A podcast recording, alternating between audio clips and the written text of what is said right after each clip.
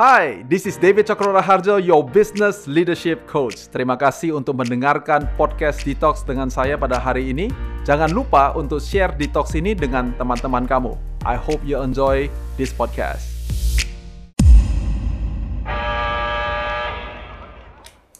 Hari ini saya bersama-sama dengan partner saya Felicia Grisandi dan ini subjek yang saya mau lakukan detox bersama-sama dengan dia karena subjek yang saya mau angkat ini adalah subjek yang sekarang ini dia sedang hadapi dan saya yakin bahwa teman-teman sekalian kalian juga akan belajar bersama-sama dengan Feli yaitu adalah konsep tentang sabar dan berharap. Oke, ada orang yang semuanya sabar tapi gak punya harapan. Dia sabar, sabar banget kayak gitu ya, tapi putus pengharapan. Itu yang mungkin di dalam konteks bahasa Indonesia namanya adalah hidup segan mati tak mau. Gitu ya. Jadi sabar sih tapi tapi gak punya harapan. Harapan adalah sesuatu yang membuat kita bergerak. Harapan yang membuat kita mau memikir lebih panjang, memikir lebih besar, memikir lebih dalam. Itu namanya harapan. Jadi sabar tapi tidak lagi punya harapan alias putus harapan itu namanya hidup segan, mati tak mau. Tapi ada orang juga yang gelisah dan penuh dengan harapan. Now I dub these people call the self-destruction people.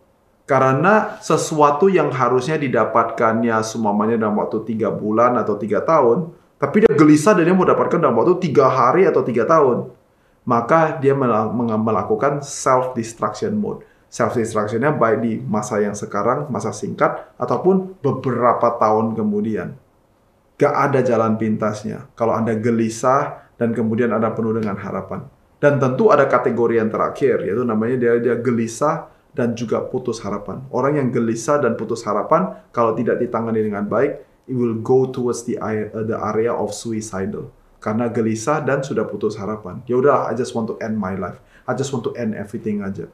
Nah, sebagai konteks yang dalam seharian kita, as a leader dan sebagai seorang pengusaha, that too can be the state of your organization or your leadership. You can be in a state where you are hidup segan mati tak mau. Bisnisnya ada gak? Ada. Ngapain? Ya pokoknya just survival. Nah itu kan namanya hidup segan mati tak mau. Betul gak? Atau kita punya organisasi yang di mana kita harusnya prosesnya tiga tahun. Tapi kita mau cepet-cepet tiga hari, tiga minggu mau sampaikan. You are on self-destruction mode.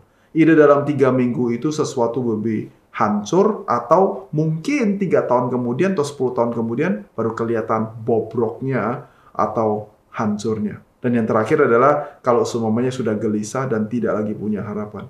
Ini area yang di mana kita kemudian give up. Udah dah, gak mau. Dah lanjutin, gak, gak mau. So today, I want us to be thinking about one access granted point yang banyak orang tidak punya.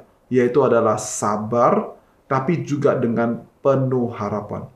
Nah, di dalam detox, uh, di dalam dt.tv uh, yang kalian bisa periksa, pemikiran ini ada di dalam bendera excellence yaitu memiliki tiga buah cabang pemikiran, yaitu adalah professionalism, passion, and perseverance. Di dalam elemen perseverance yang berhubungan dengan sabar ini, salah satu kuncinya yaitu adalah kita penuh dengan harapan. We hope. Karena pada saat sabar ketemu sama hope, perseverance menjadi gampang. Dan sekali lagi, akses point yang terbuka namanya adalah being excellence. So today bersama-sama dengan Feli, karena kebetulan Feli lagi harus bersabar dan penuh pengharapan. Uh, ini adalah trimester yang terakhir uh, untuk kehamilannya Feli. I thought maybe you want to share a little bit and kasih tahu sama saya dan teman-teman uh, what do you think about bagaimana caranya supaya Feli bisa bersabar dan berharap baik untuk pregnancy ini atau mungkin dalam konteks-konteks yang lain. Mm -hmm. Mungkin yang paling gampang jadinya pregnancy karena lagi benar-benar dialami. Um, maybe the first thing that uh, Feli kepikir adalah karena I know when is the due date. Hmm. Kayak kan lama masa hamilnya 40 minggu, bisa maju, bisa mundur, tapi dok, uh, kalau bisa jangan maju 8 minggu misalnya, hmm. membahayakan janin. Kalau misalnya kelewatan juga nggak boleh lebih dari dua minggu, nah, nanti air ketubannya sudah terlalu keruh and so on and so on. Jadi karena tahu harus nunggunya sampai kapan, it is way easier for me untuk tunggunya tuh oh tahulah ini ada ada deadline-nya ibaratnya ada batasnya. Nanti pas tanggal itu kira-kira deket situ uh, nanti yang di, di, diharapkan akan tercapai. Dan ya intinya bisa tahu tercapai atau enggaknya. Hmm. itu yang satu. And then the next pointnya adalah um, I know apa yang value I bisa picture dengan jelas yang diharapkan mau apa anaknya tahu anaknya bakal cewek. And then uh, pasti mukanya mirip-mirip sama Feli sama Gior dong ya kan? Terus ini anak uh, cucu cewek pertama di keluarga kita.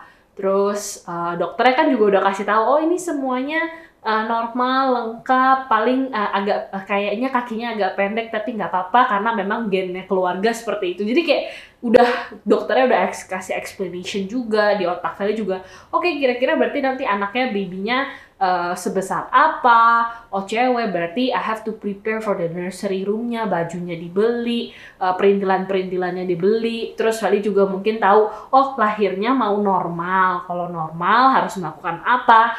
And then uh, tahu juga oh mau uh, mau ASI kalau misalnya mau ASI harus prepare apa? Jadi um, uh, during perjalanan sabarnya juga nggak cuma duduk diem dan nungguin tapi ada aktivitas-aktivitas yang dilakukan supaya nanti pas udah sampai di deadline-nya oh sesuai dengan harapannya udah nyampe nih ya sudah siapin semuanya. Jadi juga nggak mungkin dalam tanda kutipnya nggak nggak bosen tunggu-tunggu tanpa kejelasan tapi ada each milestone yang dilewatin lewatin kan setiap trimester ada pencapaian-pencapaian juga yang dokter jelaskan gitu and then the next pointnya juga sebenarnya em, apa Feli dan Gior tuh sudah membayangkan eh sebenarnya kita punya dua ketakutan terbesar satu adalah nggak bisa punya anak sama anaknya kenapa-napa Uh, karena itu menurut kita kayak dua hal yang nggak bisa kita kontrol dan kita nggak tahu kalau itu sampai kejadian di kehidupan kita kita bakal seperti apa. Uh, tapi kan ternyata Tuhan kasih anaknya. Tapi kan ini nggak tahu nih anaknya lahirnya gimana. So far dokter bilang normal gitu, semuanya sehat kok, nggak ada masalah gitu. Terus ya udah akhirnya ya kita berdua um, ada rasa apa ya? Nggak mungkin nggak anxious, gak mungkin gak gelisah sama sekali yang tadi David bilang ada soal gelisah gak mungkin kan masih manusia pasti kayak takut anaknya nanti kenapa ya apa ya gitu oh, nanti bisa bisa langsung uh, apa uh, bakal kuning gak ya? Bakal uh, berat badannya cukup gak ya? Apa segala macam. Pasti kan ada aja alarm alarm yang biasa orang suka kayak harus perhatiin ini harus perhatiin itu. Kayak kita pasti kena efeknya juga gitu kan. Nah, cuman uh, kita sendiri juga tahu kemungkinan terburuk seburuk-buruknya apa sih?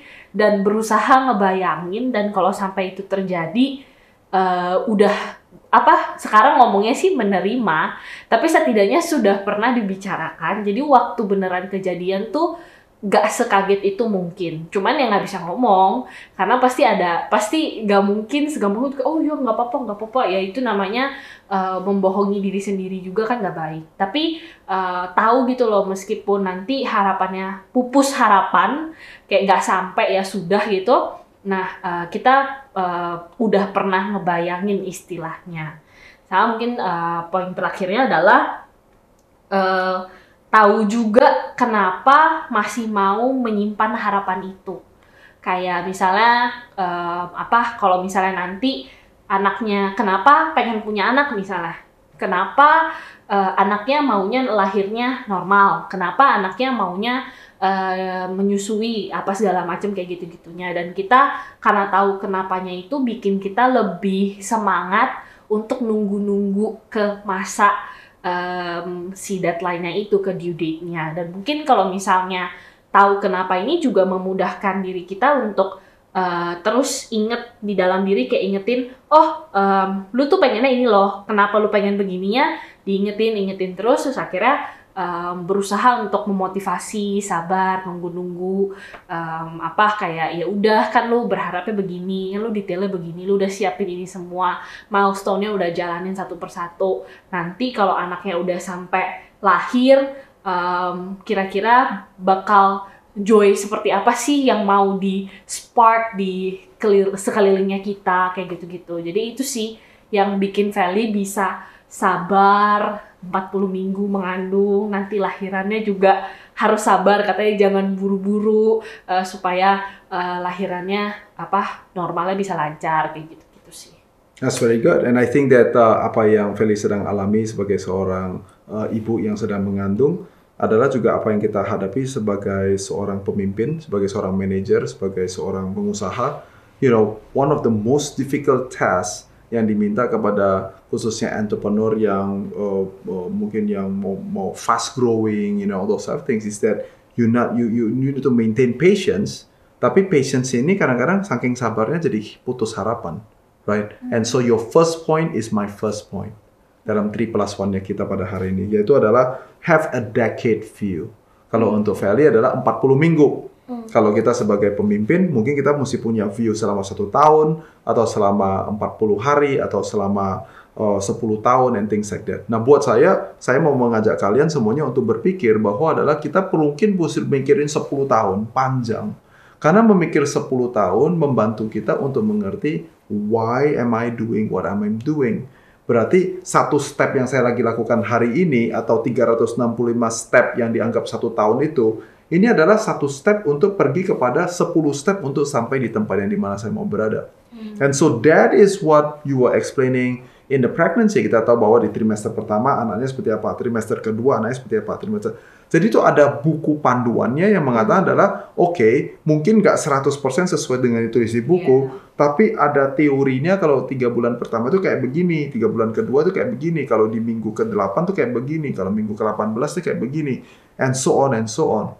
And so the teknik pertama untuk kita bisa sabar dan berharap, kita harus punya roadmap yang jelas. Once you have a roadmap yang jelas, ini membantu kita untuk bisa menjadi sabar dengan proses yang berjalan dan tetap berharap karena kita tahu begini, 40 hari lagi bakalan keluar baby yang saya harapkan. Atau buat kita 10 tahun lagi saya sampai di taman namanya business leadership coach. Oke, saya sampai di situ 10 tahun. Nah, dengan cara demikian mudah untuk bersabar dan mudah untuk berharap. Itu yang pertama. Yang kedua adalah a livable view. Ya kan, kalau semuanya cuma 40 hari, eh, apa sorry, 40 eh, eh, eh, apa, minggu. Ya kan 40 minggu tapi kemudian oh hari ini bagaimana? Nggak tahu. Setiap bulan kalau lagi ketemu sama dokter pasti dikasih lihat detak jantungnya, ya kan? Eh, dan kita juga bagaimana kalau sekarang khususnya eh, bayi udah tambah besar gitu ya, pasti kan bisa rasa kayak tangannya goyang atau kakinya goyang. That is what we call livable view. Artinya gini nih, artinya seperti tadi Feli bilang, juga nggak nggak nggak cuma duduk terus gini, sabar ya, sabar ya, 40 bulan ya, 40 bulan ya, eh 40 bulan, 40 minggu ya, 40 bulan kelamaan, oke? 40 minggu ya. Kita dan kita cuma sabar sabar sabar dan kita nggak apa-ngapain atau kita gini, oh gua lagi pregnant nih, gua nggak boleh ngapa-ngapain, diem aja di sini. Obviously di dalam dua trimester pertama, even trimester yang sekarang yang terakhir, Feli tidak lagi gak ngapa-ngapain. Bukan hanya mempersiapkan untuk uh, urusan bayi mau dilahirkan, bukan hanya menyediakan ruangan, sediakan ranjang untuk bayi, baju dan segala macam, tapi bahkan juga melakukan aktivitas di SIP. Sama juga kalau kita lagi mau bersabar dan berharap. Yaitu apa? Tetap melakukan aktivitas. Aktivitas yang berhubungan langsung dengan visi kalian, dengan apa yang sedang kalian nanti-nantikan, yang sedang kalian harap-harapkan, tapi juga aktivitas yang mungkin tidak tidak eh, ikut-ikutan sama sekali. Kenapa? Karena anyway, sekarang ini there is nothing I can do. Nanti waktu lagi mau melahirkan anak, kan kita mesti push anaknya keluar. Kok sekarang ngapain? Ya, itu namanya gelisah dan penuh harapan tapi self destruction. So di dalam bisnis, di dalam kepemimpinan also the same thing. Sometimes kita mesti bersabar, you gotta do nothing about it. And so you do something else yang berguna untuk persiapan nanti yang kita mau sampai atau kita melakukan aktivitas yang lain yang berbeda karena yang ini belum bisa diapa-apain kita just has to be bersabar dan berharap jadi saya lakukan aktivitas yang berbeda that is the art of doing it Nah, sampai di titik dua poin ini, I want us to reimagine apa artinya bersabar dan berharap. Bersabar dengan penuh harapan, kalau kalian pikirkan, seperti di Indonesia, kalau kita lagi kena beberapa tahun lalu kena tsunami, atau di Amerika Serikat, di timbunan daripada ground zero di New York, pada saat kita tertimbun dan kita belum dapat bantuan, belum dapat uh, emergency help daripada government dan yang lain-lain, sangat penting bahwa kita sabar dan kita berharap. again and again ditunjukkan orang yang di dalam eh, di dalam tumpukan daripada puing-puing bangunan kalau dia gelisah dengan harapan dia bilang begini nih I'm just gonna make my way out of this ruin. Dia gelisah dia bergerak maka oleh karena itu dia bisa self destruction karena dia gak tahu di atasnya ada apa sehingga waktu dia korek wah mungkin gedung atau beton yang berapa ton malah jatuh sehingga malah dia bisa cedera atau dia bisa mati berarti The art is to bersabar dan berharap bahwa help is coming. Now I'm gonna make this clear. Dalam konteks natural disaster atau serangan teroris, things like that, konteks itu ada elemen yang di mana even though dia bersabar, even though dia berharap, tapi tetap mati, tetap kehilangan nyawa. Tetapi dalam proses dia masih bersabar berharap, nah ini ada teori, ini ada pemikiran-pemikiran yang boleh kita perhatikan yaitu dua pemikiran yang kita baru lakukan. That is a decade view. Artinya kita berpikir bahwa adalah 10 tahun dari sekarang. Kehidupan apa yang kita mau. Itu memberikan kepada kita hormon dan memberikan kepada kita kekuatan untuk bisa terus bersabar dan berharap. Dan yang kedua adalah livable moments. Artinya apa?